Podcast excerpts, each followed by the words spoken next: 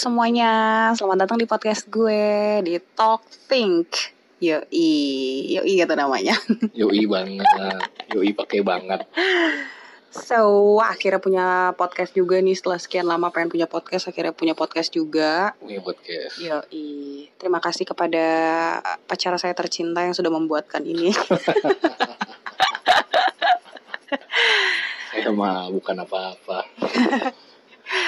So, kenapa namanya Talk Think? Karena gue pengen punya nama yang estetik aja sih, gitu. ya semoga aja di podcast ini kita bisa talk and think, Iya. berbicara dan berpikir walaupun mungkin yang diobrolin gak penting, pokoknya ya pokoknya mudah-mudahan obrolan ini bisa bikin kita berpikir deh Oke. begitu. Jadi di episode perdana kali ini gue ditemani oleh Bagas, Saga Bagas. yang tak lain dan bukan tak bukan adalah pacar gue sendiri dan pemilik dari Pemilik dari uh, podcast Head to Head Football Podcast dan juga podcast. ini cerita lagi collab ya. Ya, jadi saya uh, selain sebagai pasangan juga sebagai uh, konten kreator lain yang sedang kolaps gitu, intinya. Kolaps apa?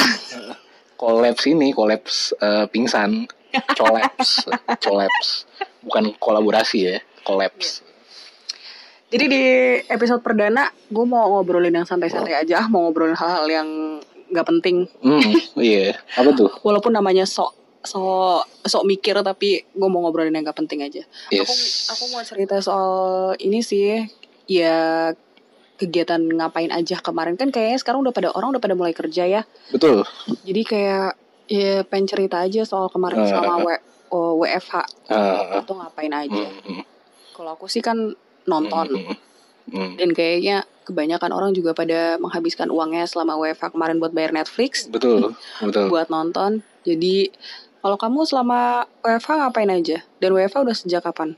WFA sudah sejak akhir Maret jadi Udah tiga bulan. eh, nyaris tiga bulan eh, dua bulan. Nyaris tiga bulan mungkin mungkin masuk tiga bulan eh, bulan ini nih. So, kalau bulan ini berakhir kan Juni berakhir ya tiga bulan genap.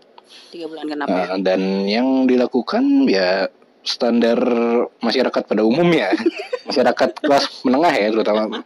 Masyarakat kelas menengah yang bekerja di sebuah uh, korporat ya, uh, yang yang di apa uh, istilahnya separuh dirumahkan ya ya begitu. Akhirnya ya udah kita mengikuti perkembangan dan tren yang uh, bergulir di landscape-landscape kehidupan ya. Seperti eh, apa me- memperbanyak bermain sosial media menjadi kaum rebahan eh, literally gitu. Literally. literally kaum rebahan di rumah doang gitu kan kemudian menggunakan aplikasi-aplikasi virtual nongkrong virtual seperti Zoom gitu kalau lagi suntuk ingin ketemu teman ya Ya pokoknya aktivitas Ya, kita pokoknya- mainstream lah ya. Hmm, Kita sangat kita eh, masyarakat yang sangat mainstream sekali gitu ya. betul betul betul ya intinya yang aku bilang tadi Pokoknya apa yang lagi happening dilakukan orang kita lakukan juga Betul. selama work from hell ini. Oh from hell betul Ya. bukan from home ya Bukan from home. From home karena rasanya Karena seperti di di hell home ber- berbulan-bulan itu sangat sangat mera- sangat berasa di hell sekali Betul. ternyata. betul itu lebih ke hell sih hell and holy shit jadinya kan nggak ada home home nya itu apa enaknya home Gak ada Gitu. enak-enak ya home ya. Kalau sesekali aja gitu kan pulang tuh rasanya home gitu kan. betul betul Berbulan-bulan setuju ini hell sekali rasanya. Hmm. Atau mungkin eh, akronim WFH itu bisa kita hilangkan jadi H aja sih home doang tapi work enggak gitu. karena kan eh, bukan bukan dari pekerjaan juga tuh ada yang dirumahkan tapi tidak digaji loh itu, loh itu kan eh, bukan work from home ya kan home doang deh. dipulangkan itu Home doang, jadinya. tapi nggak ada kerjaan. iya bukan dirumahkan dipulangkan Dipulang. dipulangkan ibarat ini apa jemaah haji gitu Iya, dipulangkan. Hmm. Jadi selama kamu work from hell, Hmm. sudah berapa film yang kamu habiskan? berapa film kurang lebih kisaran ya 20 25 film. Luar biasa. Tapi nggak ini eh, nggak semuanya apa yang baru-baru gitu. Jadi Mm-mm. eh, ada beberapa varian film yang memang itu bagus dan rewatchable ya, ya Mhm. aku tonton ulang gitu. Aku rewatch karena karena bagus dan berkesan gitu. Mm-mm. Banyak sih. Jadi selama tiga bulan udah menghabiskan 25 film. J- kalau di di rasio di rata-rata kan eh, sebulan 8 film. Sebulan 8 film. Sebulan 8 film berarti seminggu 2 film. Hmm. Berarti kamu masih kalah sama aku. Gim- Kamu berapa? Karena aku work from hell-nya cuman sebulan sebenarnya. Waduh. Aku baru bener-bener bener-bener kerja di rumah full itu Hmm. bulan Mei. Bulan Awal Mei. Ah, dan Juni ini sudah bekerja lagi. Sungguh pelit sekali kan kantorku. Tapi nggak apa-apa. Ya seenggaknya nggak lama-lama banget lah di rumah. Jadi aku Hmm.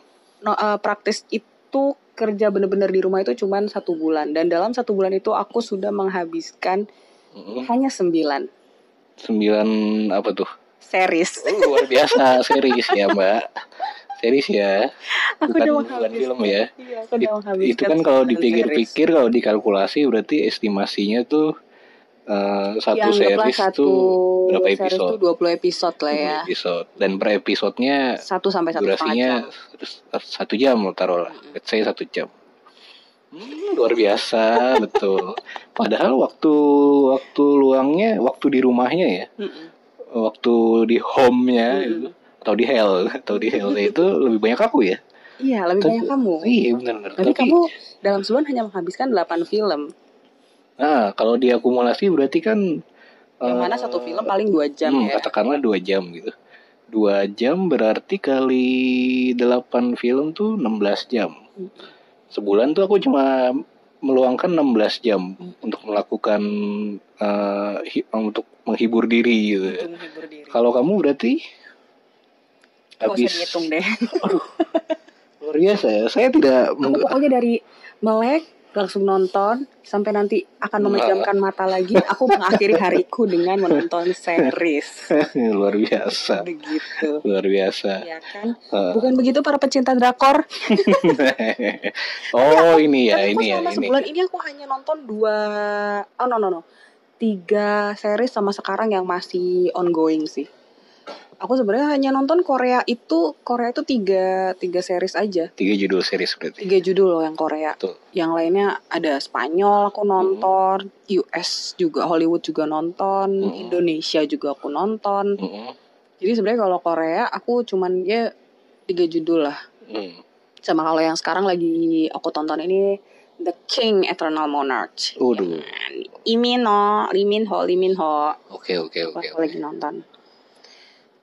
Kalau yang, Yang- sebelumnya Belum ya?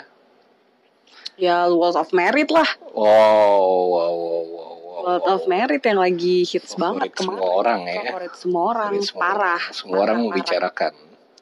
Favorit ibu-ibu juga tuh. Kenapa Parah begitu? Kenapa Ya, karena- ibu-ibu? Karena ceritanya sebenarnya Ah. klasik tentang perselingkuhan dan keretakan rumah tangga akibat orang ketiga. Iya iya iya. Iya. Akibat seorang eh seorang lagi. Ya, akibat seorang wanita yang Hmm. dianggap merebut suami orang. Yes. Eh, itu tuh ini aku belum nonton ya. Jadi mungkin eh, baru baca baru baca ulasan-ulasan orang atau eh, ulasan-ulasan di media-media ya Mm-mm, tentang word of the word of merit ini. ya. mm-mm. Jadi eh ya, ya, aku mau nanya, berarti kan eh, se seinfluental dan sememorable itukah eh, sajian yang di disuguhkan sama direkturnya di di series ini nih sepanjang Sebegitunya. seriesnya sampai sampai hype itu sedemikian tinggi loh. Iya, Emang se- iya ya? Sebegitunya. Aku mau nanya. Betul, sebegitunya. Karena sebelumnya tuh sebenarnya eh, aku nggak tahu, aku nggak tahu yang dulu-dulu lagi ya. Tapi yang nggak jauh dari drama ini tuh ada sebenarnya drama perselingkuhan kayak gitu juga. VIP judulnya. Anak drakor pasti tahu banget. Ah, Tapi emang yang kali ini tuh apa ya? Kali ini tuh bener eh bener-bener epo beda banget sih maksudnya hmm. aku suka dari cerita ini tuh eh, pertama ya dari ini aja dulu dari ceritanya dulu. Iya. Kayak aku suka ini tuh eh, padet cerita itu padet nggak bertele-tele Hmm. kayak misalnya eh, dari keluarga keluarga harmonis Hmm. bahagia suami istri punya anak Hmm. nggak ada masalah apa-apa and then dia and then dia mencurigai bahwa suaminya ada main Iya. terus dia ternyata akhirnya mengetahui Iya. eh, terus dia mulai berpikir untuk untuk berpisah terus jadi Iya. jedeng-jedeng dia cerai Hmm. Jadi kayak masalah itu nggak nggak bertele-tele kayak gimana ya kalau di drama sebelumnya itu yang di VIP yang aku bilang Hmm. itu tuh lama di proses Ah. si eh, cewek ini mengetahui kalau Hmm. ternyata si suami ini punya selingkuhan yaitu adalah wanita ini itu kayak lama Ah. gitu loh prosesnya kalau ini tuh agak enggak dragging mungkin ya. iya itu itu itu bertele-tele banget sih menurut Ah. aku jadi kayak aku sukanya di sini itu dia dia udah tahu oke suami gue selingkuh oke selingkuhannya ini Hmm. oke terus apa gitu loh terus Hmm. terus gue mau gimana sekarang gue udah tahu suami gue selingkuh terus gue mau apa gitu Hmm. terus ya udah akhirnya kayak eh eh, dia mulai berpikir buat oke kayaknya gue mau cerai gitu Hmm. tapi kalau belum cerai gimana mikirin soal bagi harta segala macam kayak gitu gitu kan Iya. terus oke a- akhirnya dia cerai dan si selingkuhannya itu udah hamil anyway gitu loh Iya, iya. Iya, si selingkuhannya itu udah hamil anyway. Jadi ya udah gitu. Akhirnya dia pisah, si istri ini juga punya eh, mandiri secara finansial, punya Iya, iya. pekerjaan yang baik gitu Iya. loh. Jadi akhirnya mereka pisah. Nah, di sini sebenarnya titik per- titik permasalahannya. Hmm. Bukan jadi dramanya tuh bukan bukan si bukan soal si gimana ya gontok-gontokan sama si pelakornya Ah, nih ah, ah. bukan soal itu lagi Ah. jadi udah soal eh gimana ya hmm, ada ada eh, karena mereka tuh sebenarnya dari dari yang gak punya masalah sama sekali Yes, rumah tangganya ya. rumah tangganya harmonis gak punya masalah sama sekali terus tiba-tiba ketahuan selingkuh dan dan istrinya langsung memutuskan untuk pisah akhirnya kayak ya setelah cerai itu kayak kayak ada sesuatu yang belum selesai gitu di antara mereka berdua gitu. Iya. ya masalah anak lah ya masalah suaminya yang sebenarnya masih cinta lah Hmm. kayak gitu-gitu jadi kayak ya ya pokoknya keren deh aku suka cara penulisan ngegambarin Ah, uh, ah, ah. ceweknya di situ gitu Cewek yang men- eh, Si istrinya. istri resmi ya, Mm-mm, berarti. Ah, ah. gitu Dan apa?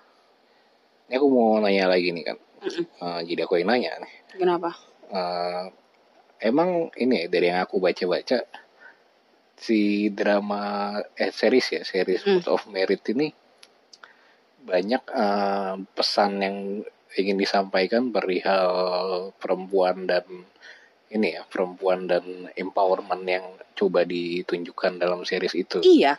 Bener ya? Karena dari dua-dua perempuan ini baik si istrinya baik si istri maupun si selingkuhannya ya itu emang mereka berdua ini memang yang lebih powerful dibanding si Ah, cowok itu aku ngeliatnya ya. Ah, kayak jadi si cowok ini tuh eh, seniman yang berbisnis Cie. jadi ah. ceritanya dia tuh kayak pengen eh, punya PH film gitulah pengen yang suaminya ya suaminya eh, dan dia tuh ketika dia masih menikah sama si istrinya ini dia disupport secara eh, Iya, iya, iya. eh, finansialnya Iya. finansial si perusahaan itu disupport sama istrinya yang Iya. punya karir yang lebih sukses daripada dia sebenarnya kan Iya.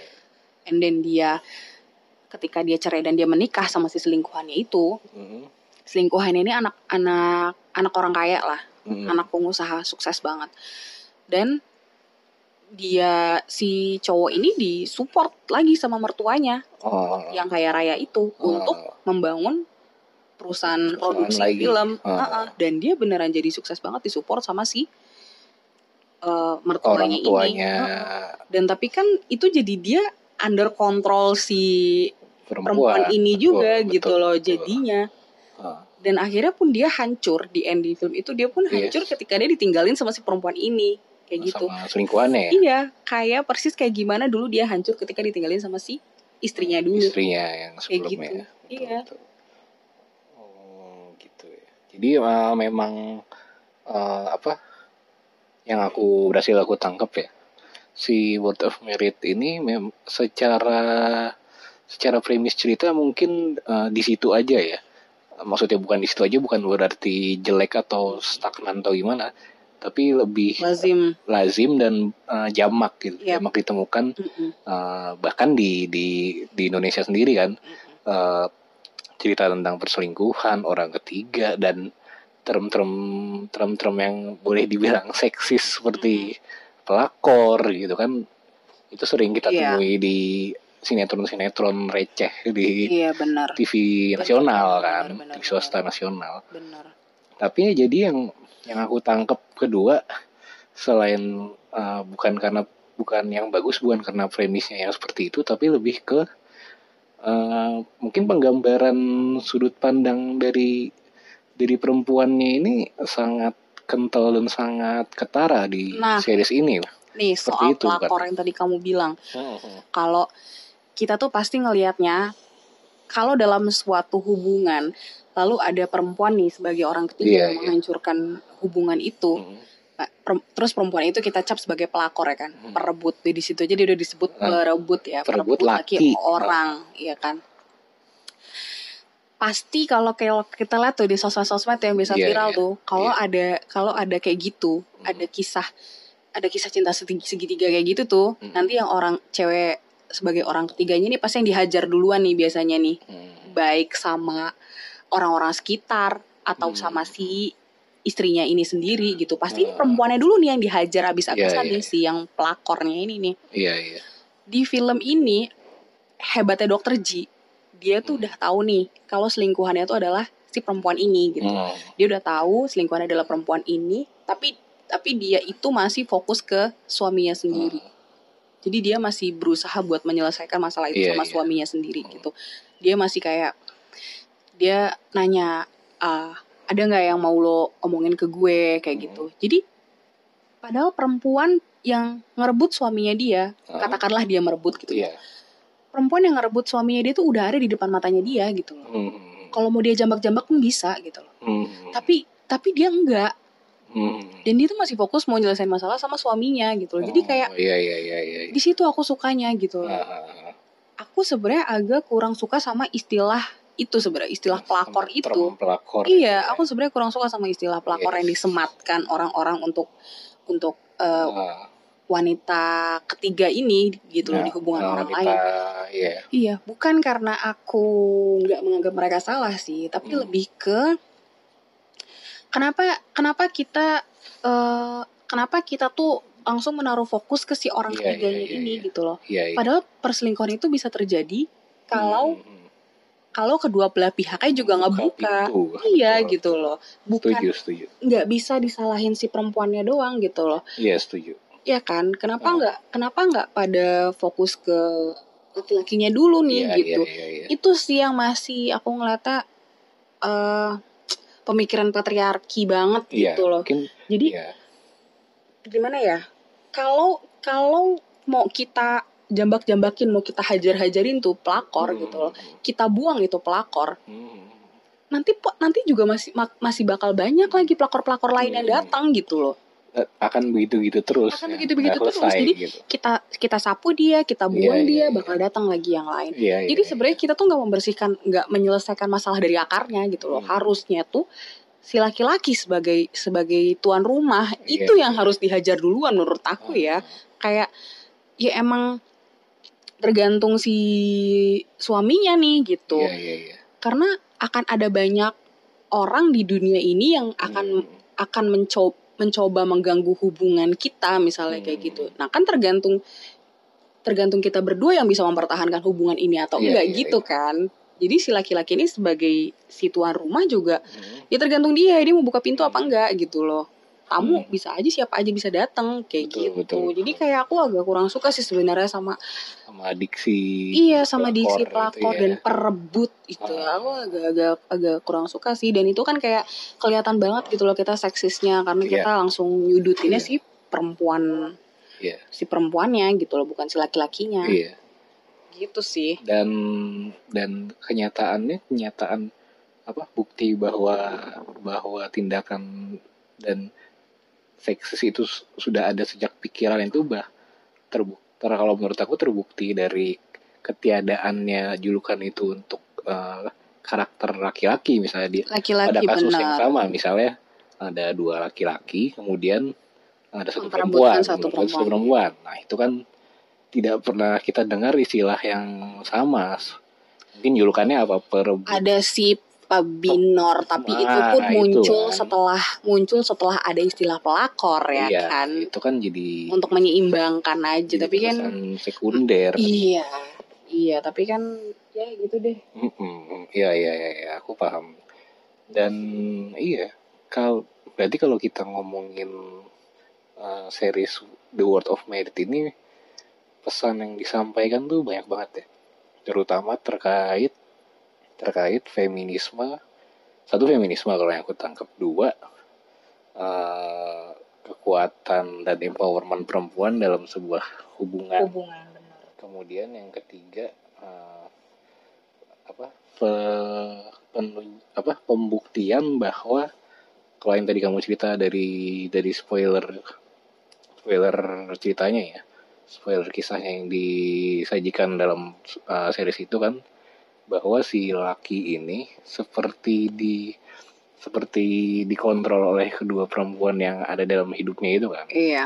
Nah itu kalau sepengetahuan aku dengan pengemasan yang pengemasan cerita yang kayak gitu, itu kan eh, berarti si direktornya ini, si pembuat seriesnya ini kan ta- eh, ingin menggambarkan eh, cerita dari sudut pandang si sudut pandang perempuan gitu kan, bahwa bahwa perempuan bisa juga mengontrol, bahwa perempuan juga bisa menjadi kunci bahwa laki-laki tidak selamanya superior gitu kan Betul.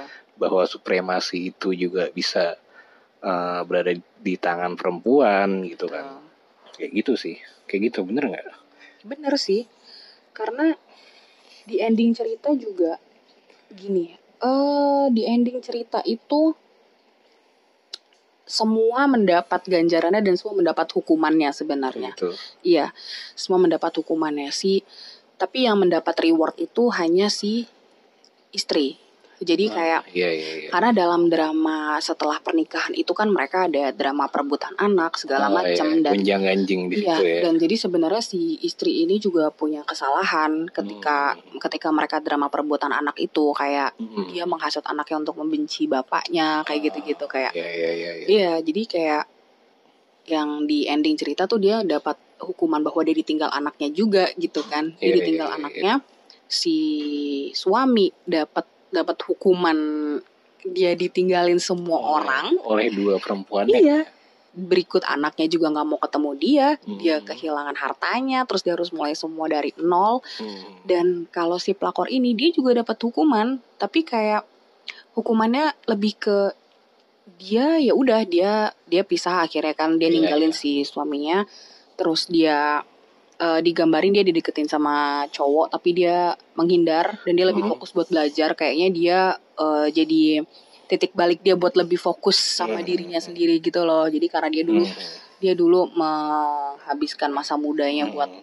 laki menyia-nyiakan lah ya buat laki doang gitu kan buat sibuk ngerebut laki orang cie Ah. pakai kata ngerebut ya buat, buat sibuk pacaran sama suami orang kayak gitu iya iya iya dan di ending itu dia kayak digambarin dia fokus buat belajar mungkin dia Iya, balik iya, kuliah iya. ya kan Hmm. jadi kayak maksudnya di sini juga digambarinnya eh si pelakor juga nggak si pelakor katakanlah dia pelakor ya Hmm, hmm. itu juga itu juga nggak digambarin kayak dapat hukuman yang ah iya Dia iya iya iya iya dia ada di titik terendah hidupnya gitu loh Hmm. kayak Iya, itu dia malah dapat lessons gitu iya iya iya berarti dia tuh dapat lessons gitu Hmm. buat buat lebih buat lebih memikirkan dirinya sendiri buat lebih memperbaiki dirinya kayak gitu Iya, gitu iya, iya. pokoknya. Iya. terus kalau si perempuan ini ya di endingnya dia dapat dapat si hukuman kayak gitu tapi, Heeh, tapi dia dapat Ah. reward dengan anaknya pulang lagi jadi kayak dua Oh, iya, iya, dua iya. perempuan ini tuh yang even si pelakornya ini juga nggak dapat hukuman yang kayak gimana gitu loh Hmm. coba kalau di kalau kita bikin di drama Indonesia kan Iya, udah, iya, ada- iya. udah dapat azab segala macam kan deh ya sudah- azab keselak apa kayak keselak apa kayak itu pelakor ya kan iya dong benar, benar. merebut Iya, setuju. azab merebut suami orang pasti Iya dapat iya iya. iya. kalau di sana enggak jadi kayak justru tuh yang ancur berkeping-keping udah kayak udah jatuh ketipu tangga itu sih laki-lakinya. Nah, iya. iya Nah itu yang aku bilang tadi kan sebenarnya iya di di sisi apa di sisi visual dan pengemasan ceritanya kan ingin menunjukkan seperti itu si si pembuat si pembuat filmnya ini eh, seriesnya ini kan. Iya. Lebih ke apa penun apa pembuktian bahwa nggak selamanya eh, laki-laki itu di atas istilahnya eh, quote and quote di atas ya. benar.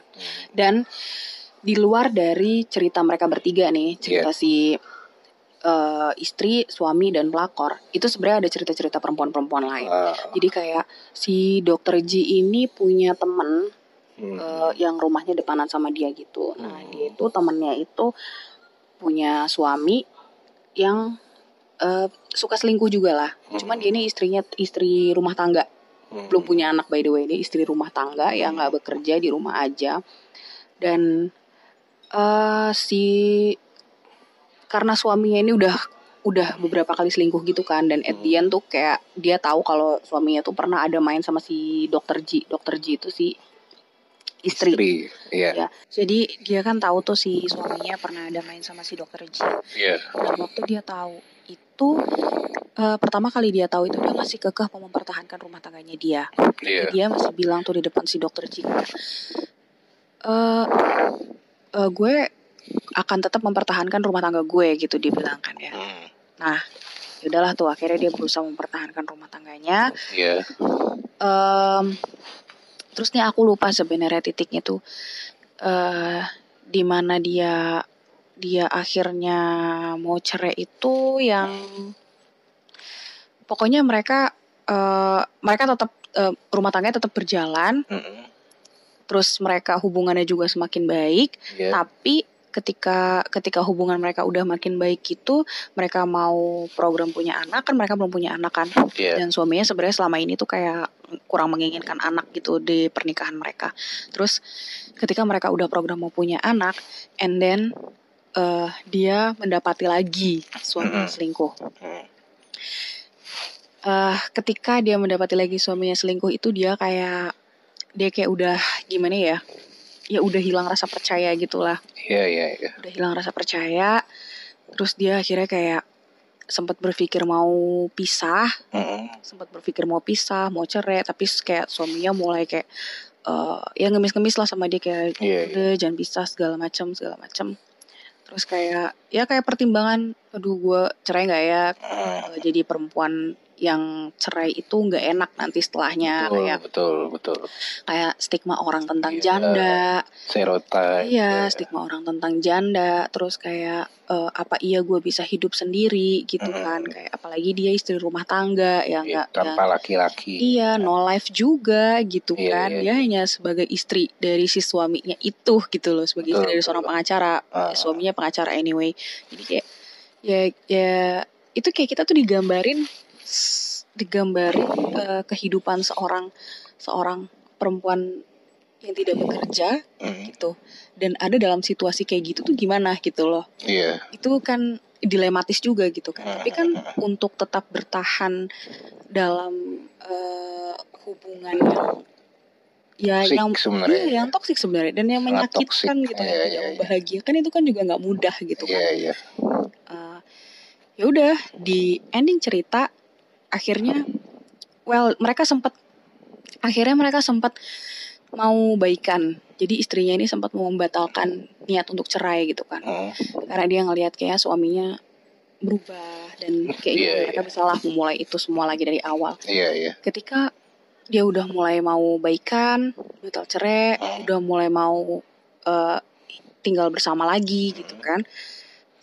Tapi ternyata trauma trauma si istri ini nggak bisa hilang. Hmm, Jadi ketika dia tidur sama suaminya, Hmm. terus suara notif handphone suaminya bunyi, iya dia mulai muncul lagi kecurigaan kan. Hmm, muncul kecurigaan lagi terus dia kayak nggak tenang ketika dia tidur tuh Iya, dia iya. nggak tenang dia penasaran apa yang apa yang barusan masuk di handphone suami gue tuh apa kayak gitu insecure lah ya insecure banget terus Betul, akhirnya betul. dia ngecek dia ngecek chat suaminya Hmm, dan ternyata memang gak ada apa-apa dan di situ dia kayak langsung nangis dan dia sadar gitu loh Hmm. trauma itu trauma itu tuh emang udah membekas banget gitu dan gak bisa buat buat dia untuk untuk menghilangkan itu Iya iya iya. even mereka nggak even mereka nggak pisah Iya. dia dia eh, mereka balik sama-sama lagi tapi trauma itu udah ada Iya iya. jadi eh ketakutan ketakutan itu akan terus ada gitu kecurigaan sama suaminya itu akan terus ada karena dia udah punya trauma itu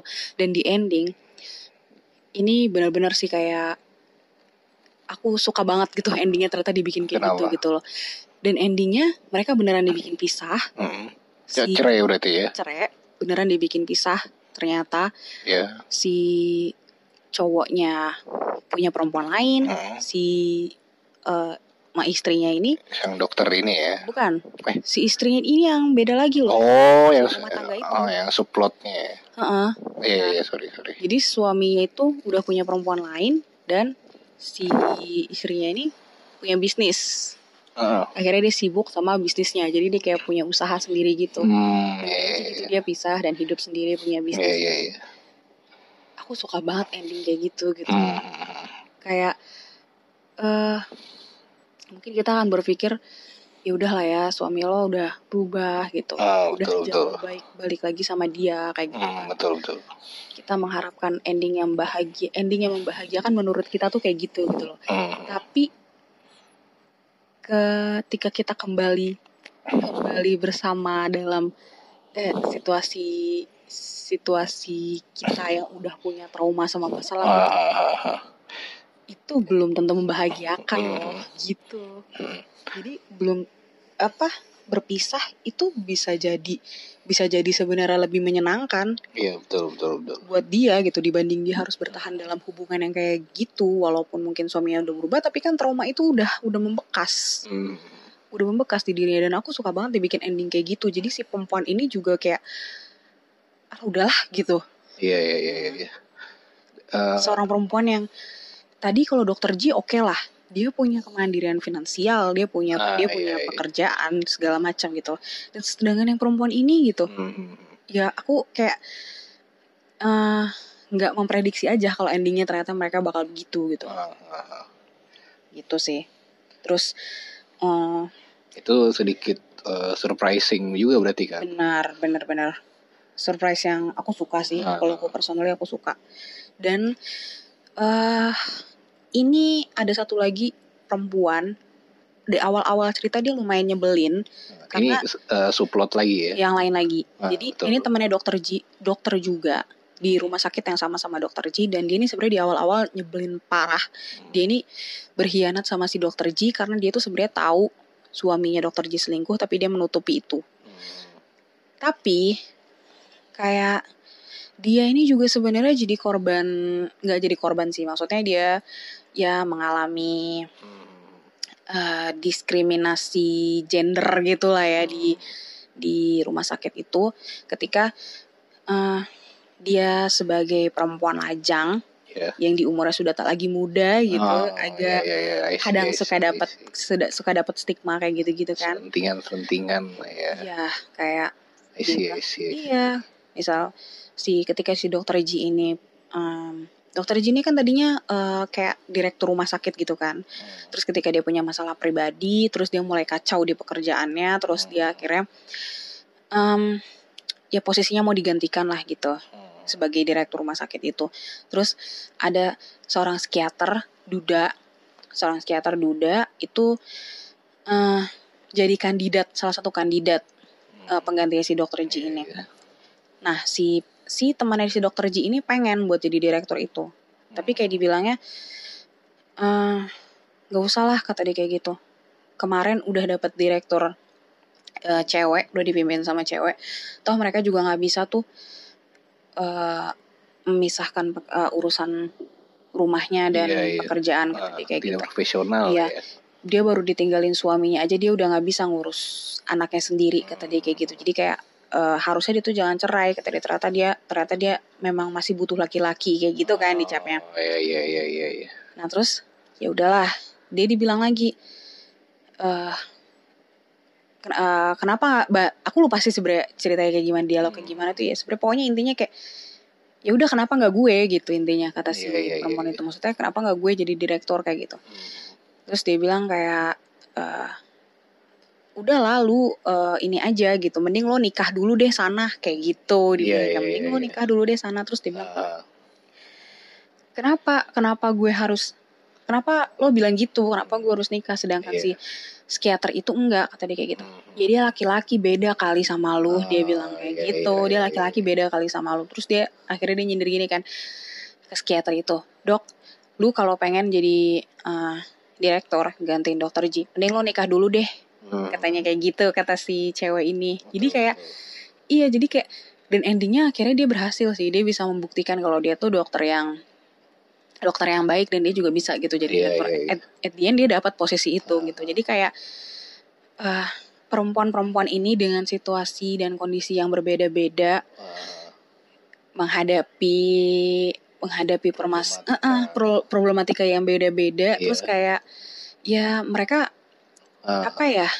ya ya digambarin lah gimana cara mereka masing-masing ngehadapin Iya, situasi iya, iya. itu gitu loh. dan aku suka aja cara cara si penulisannya menggambarkan gimana mereka ya survive dalam kondisi itu gitu loh gimana mereka Hmm. fight ngehadapin masalah-masalah yang mereka hadapin itu di situ aku suka sih Iya iya iya. ini emang ini emang perspektifnya dari dari sudut pandang cewek Ah. banget sih menurut Iya, aku iya, film iya. ini Kalau kalau dengar apa dengar ulasan dan apa semua yang udah kamu beberkan ya Mm-mm. terkait film ini kemudian dari cerita dari plot segala macam teknisnya kemudian juga pesan yang disampaikan Mm-mm. aku jadi inget ada film Korea tahun kemarin Mm-mm. apa Kim Jeong Born 1982 Oh, kan kayak tuh gitu. Oh iya iya, kamu nonton kan udah kan tuh iya. ya itu kan kurang lebih eh, sama sih menggambarkan kerasnya patriarkisme di Korea Yap. itu yang Iya. wah bener-bener kayak nggak ketolong bener, gitu bener, kan bener. di situ kan kurang lebih sama Mm-mm. apa ada si Kim Jeong ini sebagai sosok istri yang yang kental dengan dengan segala macam cap dan label-label apa stigmatisasi di masyarakat itu Iya. bahwa eh, dia tadinya dan tadinya adalah wanita karir kemudian ketika menikah dan punya anak dipaksa kehilangan Seyogianya dia Ah. mengurus anak di rumah betul gitu kan daripada har- daripada harus mengejar karirnya. Mm-mm.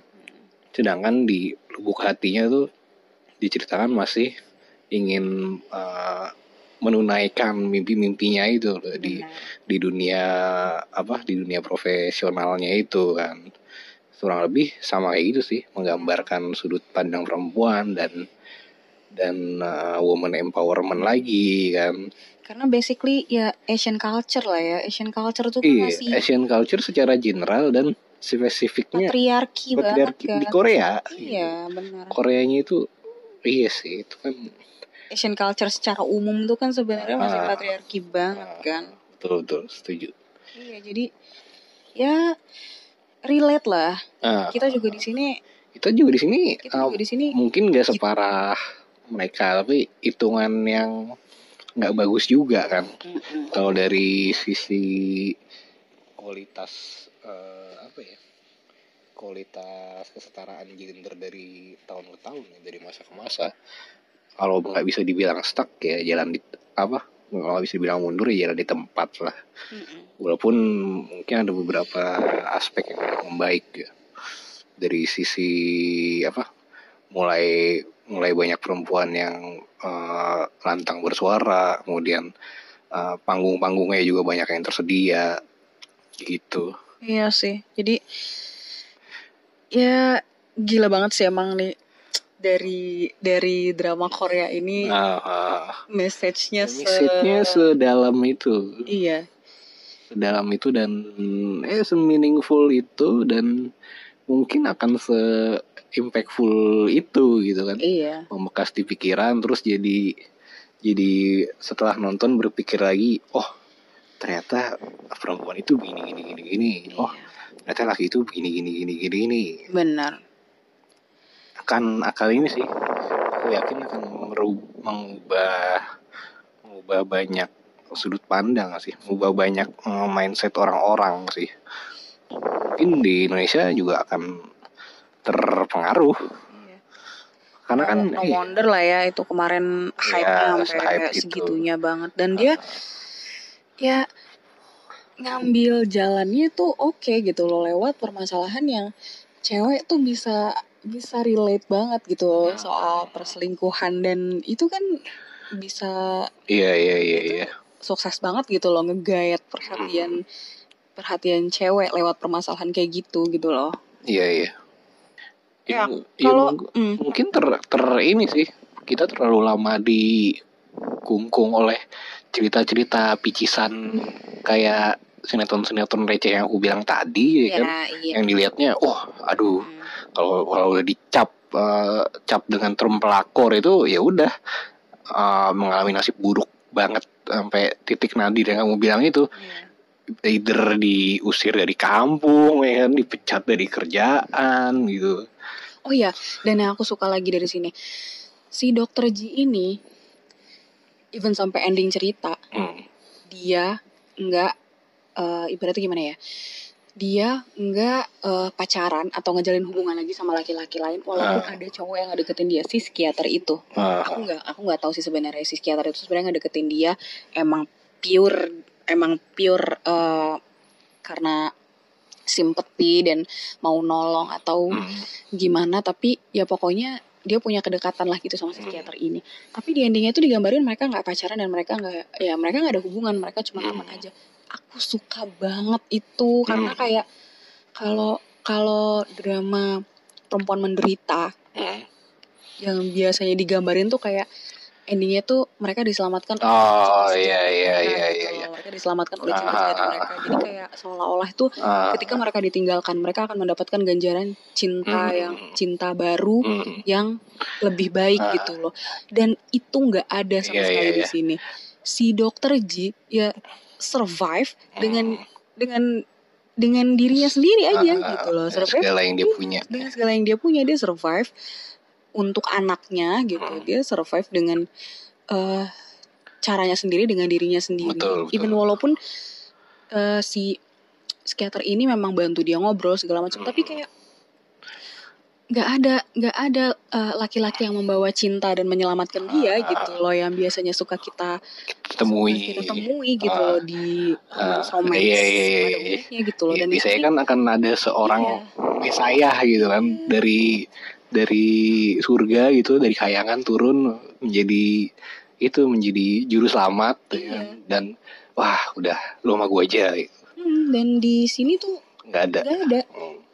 Suka banget itu. Hmm, iya iya iya iya. kayak walaupun sorry walaupun kayak shipper shipper tuh di Instagram suka Hmm, ayo dokter Ji sama ini aja Ya, dokter Ji ya, sama si ya, ini aja kayak gitu gitu iya iya aku justru berharap semoga dokter Ji sampai ending nggak pacaran sama siapa pun Hmm. kayak gitu ya nggak apa-apa kalau si dokter itu suka sama si dokter J gitu tapi semoga aja sih si dokter J nggak mikir buat Ah, pacar-pacaran iya, iya, dulu. iya. maksudnya kayak ya udah aja lu fokus gimana caranya lu survive buat anak lu Iya, gitu. anak, iya ya buat kan. anak lu gimana caranya lu bisa hidup tenang aja dulu deh hidup tenang sama Hmm. anak lu berdua kayak gitu. Betul betul. Udah gitu. Dan bener aja dong kayak nggak ada hubungan apa-apa di antara aduh aku suka banget itu bener-bener. Hmm, hmm. penting nonton deh setelah ini. Oke oke oke. Ya menarik menarik dengar dari dari dari durasi kita ngobrol gini aja udah sudah menunjukkan betapa ini kan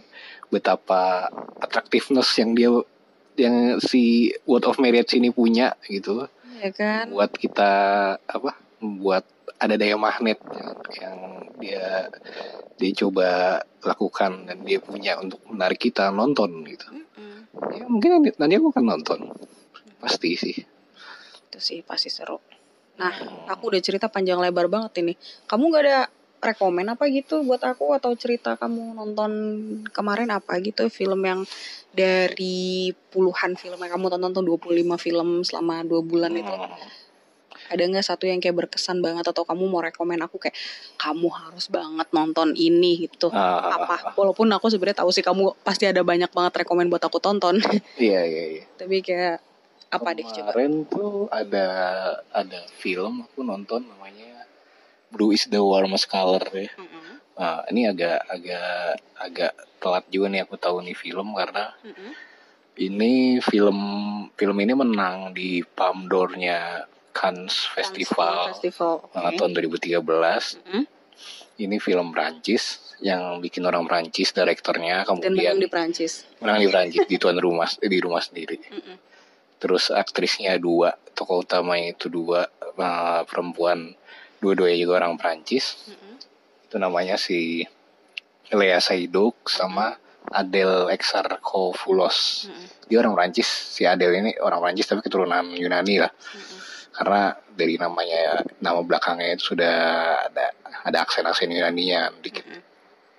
Nah itu film romance ini, film romance coming of age uh, LGBTQ lah. LGBTQ ya. Uh, yang apa orientasi apa orientasi seksual yang Sama. sama jenis itu uh, perempuan ya. perempuan kan uh, jarang sih ditemuin film-film gitu mungkin mungkin ada kalau kita nyari kalau kita ngulik-ngulik tapi ini film bagus banget karena buat aku tuh hampir semuanya tuh hampir semuanya paket lengkap ya dalam durasi yang mungkin kamu gak akan kuat nonton ini tiga jam Aduh, udah terakhir endgame aja aku nonton 3 terakhir jam ya. abis kok ngomong. Itu nyerah Tapi tergantung tergantung. Kalau ini ceritanya emang menarik aku nah ini boleh-boleh masuk waiting list. sini aku aku mau Biar aku cerita mau denger dulu reviewnya kayak gimana. ini tiga jam ini adalah paket lengkap dari dari cerita kedalaman karakternya si si jadi si Adele Exarchopoulos ini memerankan karakter Adele kemudian si Lea Seydoux-nya ini memerankan uh, karakter namanya Emma nah film ini yang aku bilang paket lengkap adalah dari aktingnya bagus dari dari penceritaannya bagus dari dialog-dialog yang disampaikan eh, karakternya juga bagus-bagus gitu. Kemudian dari visual juga bagus gitu, dari teknis juga bagus. Jadi intinya film ini menceritakan ini sih pencarian jati diri si Adele ini Remaja ya. remaja ya remaja usia high school apa S senior high school lah SMA ya SMA dia itu kan sedikit masih limbung lah di masa-masa itu dia masih limbung mencari Pencarian akan orientasi seksual. jadi akan orientasi seksual satu yang kedua orientasi cintanya juga kan secara emosional gitu. Emosional. secara emosional dia mencoba ke lelaki pernah ke perempuan juga pernah gitu. Ke laki pernah ke perempuan pernah. Tapi di laki itu dia tidak menemukan apa yang membuat dia klik klik dan bergantung lah gitu bisa dikatakan. Kayak gitu. Akhirnya ketika dia mencoba bertemu seingat cerita dia bertemu si Emma ini tadi ya Mm-mm. cerita ketemu dengan si Emma kemudian di sebuah apa bar khusus gitu ya Oke. Ah. Bar gay. hmm ya it lah itu Mm-mm. Eh, bar seperti itu tempat khusus itu singkat cerita mereka menjalin romansa akhirnya si Adele merasa bahwa oh ini loh pelabuhan pelabuhan perasaan She's the one ya. yeah, she's the one gitu kan dan si MI juga membuka membuka pintu dengan uh, lebar-lebar kan membiarkan si Adele yang masuk akhirnya terjalinlah romansa itu kan nah yang bikin aku suka lagi uh, konfliknya ini lumayan Konfliknya konflik lazimnya eh, percintaan remaja gitu. Hmm, enggak. Jadi begini, yang bikin bagus tuh justru bukan di situnya. Bukan karena uh, konfliknya itu ya karena konfliknya bukan bukan sewajarnya remaja. Mm. Kalau konflik sewajarnya remaja kan kita tahu lah ya. Paling apa sih gitu ketaker Cemburu-cemburu kan. cemburu-cemburu nggak jelas ya yang cemburu-cemburu receh gitu kan. Mm-mm. Nah kalau ini tuh jadi ketika si Adele dan Emma sudah uh, resmi menjalin hubungan kan Mm-mm. mereka tinggal serumah tinggal seatap di rumahnya si Emma. Karena kan Emma itu eh, secara strata dia dia udah lulu, udah mau lulus kuliah dan punya kerjaan. Jadi punya tempat tinggal sendiri. Tinggal di rumah Emma mereka berdua. Kemudian si Adele berprofesi sampingan sebagai guru sekolah. Guru sekolah dasar. Guru sekolah dasar.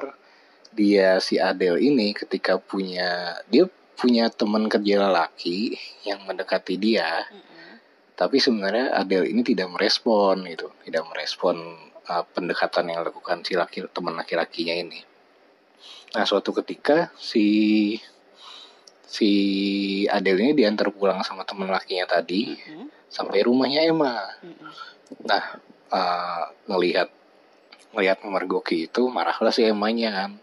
Dikiranya si Adele ini punya hubungan spesial dengan teman laki-lakinya. Uh, singkat cerita, marahlah si Emma ini menganggap bahwa oh lu mencederai komitmen yang udah uh, Kita jalin. kita jalin gitu kan. Kenapa lu masih masih apa? Masih jalan sama jalan cowok. sama cowok, iya. katanya mau komit sama gue Hmm, gitu ya Nah, kayak gitu kan. Nah, si Adela ini eh, tidak bisa menyampaikan menyampaikan maksudnya dia itu ke si Emma, bahwa si Adele ini si Adele ini punya argumen enggak tenang aja. Gua itu walaupun walaupun dia deketin gua gua nggak ngerespon dia gitu. Gua cuma cinta sama cinta lu, sama lu Eh, dan di scene itu tuh itu keren banget di si Adele sampai nangis nangis sampai sampai sesenggukan sampai nyembah nyembah si Maya itu. Si Maya juga keren banget marahnya sampai sampai diusir dari rumahnya si Emma si Adele itu. Eh, apa jadi di situ kerennya tuh menggambarkan bahwa eh, walaupun sudah apa walaupun eh, sejenis mungkin yang kita nggak banyak tahu juga ya dan yang bikin aku emes dan itu tuh humanis banget bahwa walaupun sudah menjalin hubungan dengan sesama tetap ketika melihat ada lawan jenis yang deketin eh, pacar pacar homoseksnya itu si Adele itu tetap si Emma itu cemburu gitu. Tetap ada kekhawatiran tetap ada rasa insecure eh, bahwa dia akan kehilangan bisa. si Adele Heeh, dia si lelakinya kan mencuri si Adele dari dia dan Adele akan punya perasaan ke lelaki itu. Padahal enggak gitu loh. Padahal enggak. Nah, itu sih yang aku suka. Dan di endingnya pun eh, ketika mereka sudah berpisah si Adele dan Emma udah berpisah si Adele eh, sorry si Emma-nya udah punya pasangan lagi. Dan Adele-nya digambarin di scene endingnya itu ingin kembali ke Emma tapi Emma yang nggak merespon gitu. Karena Emma udah punya pasangan segala macem. Udah udah punya apa lembaran baru lah gitu. Nah di situ akhirnya si Adele juga pergi gitu, pergi dan eh, mencari kehidupan dia selanjutnya gitu dengan buka lembaran baru buat dia selanjutnya juga gitu sih. Itu seru seru banget, seru banget. Dan satu lagi yang yang sedikit hmm, apa pesan-pesan yang mungkin agak jamak dan lazim disampaikan ya bahwa stereotip terhadap eh, romansa sama jenis itu juga digambarkan di film itu gitu loh. Hmm. Jadi jadi waktu itu ada ada satu scene di awal di awal-awal film tuh si ada temennya si Adele itu eh, kayak apa ya kayak kayak mengajak eh, dia men- dia mencium si Adele dengan dengan dengan maksud itu tidak serius dengan maksud bercanda gitu. Mencium mencium bibirnya secara iseng gitu kan. Nah dan dia tidak tahu bahwa si Adele ini eh, punya ketertarikan terhadap sama jenis. Atau eh, FYI yang nyium ini eh, Cewek. cewek juga cewek juga. Nah suatu ketika si temen cewek yang mencium tadi ini esokan harinya disamperin sama si Adele dan diajak eh, dicium balik oleh si. Adele kissing lagi dan si Adele ini seperti bergairah untuk uh, mencumbui Mm-mm. teman wanitanya ini ya, yang kemarin nyium dia gitu. Tapi teman wanitanya ini dan si Adele kan tidak tahu kalau kalau kemarin tuh cuma, Cuma iseng. cuma iseng cuma bercanda. Nah si temennya ini nih kaget kaget banget kan karena dia bilang, oh gue nggak nyangka ternyata lu Ternyata lu gay. Heeh, ternyata lu serius. Gue tuh kemarin bohongan gitu. Gue nggak gue nggak akan bilang sama siapa siapa kok tenang aja. Itu kata temennya itu. Dan si Adele shock parah di situ dan menganggap bahwa oh di situ dia dimulai ini kan udah mulai goyah bahwa apalagi dia us- usianya masih sekolah kan mulai saat itu eh, di apa dia pergi sama ada temennya temennya cowok juga dan dia eh, eh, apa orientasi seksnya sama jenis juga tuh temen cowoknya. Dia yang mengantar Adele ketemu si Emma Hmm. di situ ceritanya. Nah nah begitu. Bring her. To the Hmm, gay bar. hmm, nah begitu si Adele besoknya udah mulai dekat sama Emma jalan bareng segala macem kan. Antar jemput ke sekolahnya si Adele Hmm. itu di ditanyain lah si Adele sama teman-temannya yang cewek sama geng-gengan ceweknya itu bahwa eh lu apa lu sama cowok tomboy itu si Emma ya digambarin eh, tomboy kan karena eh, memakai semua apa bergaya laki lah itu istilahnya. Kalau kalau kalau mengutip istilah sini ya bergaya ala laki lah rambut pendek segala macam. Terus si teman-temannya Adele ini me- me- sudah mulai begitulah keluar omongan-omongan sentian-sentian gak enak kan. Oh lu suka sama jenis ya? Oh lu eh, apa kita pernah tidur bareng sekamar tuh jangan-jangan lu Jangan-jangan lu. Heeh, lu, lu pervert ya itu kan misalnya lu ngintip gue ya lu ngapa-ngapain gue dulu waktu kita mandi bareng segala macam kan tuh. Soalnya lu jauh-jauh langsung jauhin dia sama geng teman-teman sekolahnya itu gitu. Nah berawal dari situ juga yang menurut aku menguatkan si Adele untuk eh, apa untuk semakin me- ini sih mungkin dia membuktikan juga bahwa romansa sama jenis itu tidak seperti yang dikira Dipikirkan orang, orang. Heeh. di situ jadi jadi semakin kuat bahwa oh udahlah Akhirnya dia come out gitu. Hmm, dia come out dengan come out, come out dan speak up kan dengan dengan hubungan dia dengan Emma akhirnya dia jadi jadi masuk ke circle kehidupannya si Emma gitu yang dipenuhi orang-orang yang uh, people like them lah kan orang-orang seperti Rainbow mereka community. oh, gitu. oh, gitu Hmm, itu keren banget dan interesting. dan penggambarannya tuh eh, ini penggambarannya itu sangat relate dan sangat eh, bukan relate apa ya sangat Real lah ya. real ya Kayak ya remaja Manis, betul betul sedang mencari jati dirinya Betul, gitu betul, kan. betul, Terus betul. kayak eh, ini masih limbung iya, lah masih uh-uh, goyah. dia merasakan something weird. Mm, something Karena weird.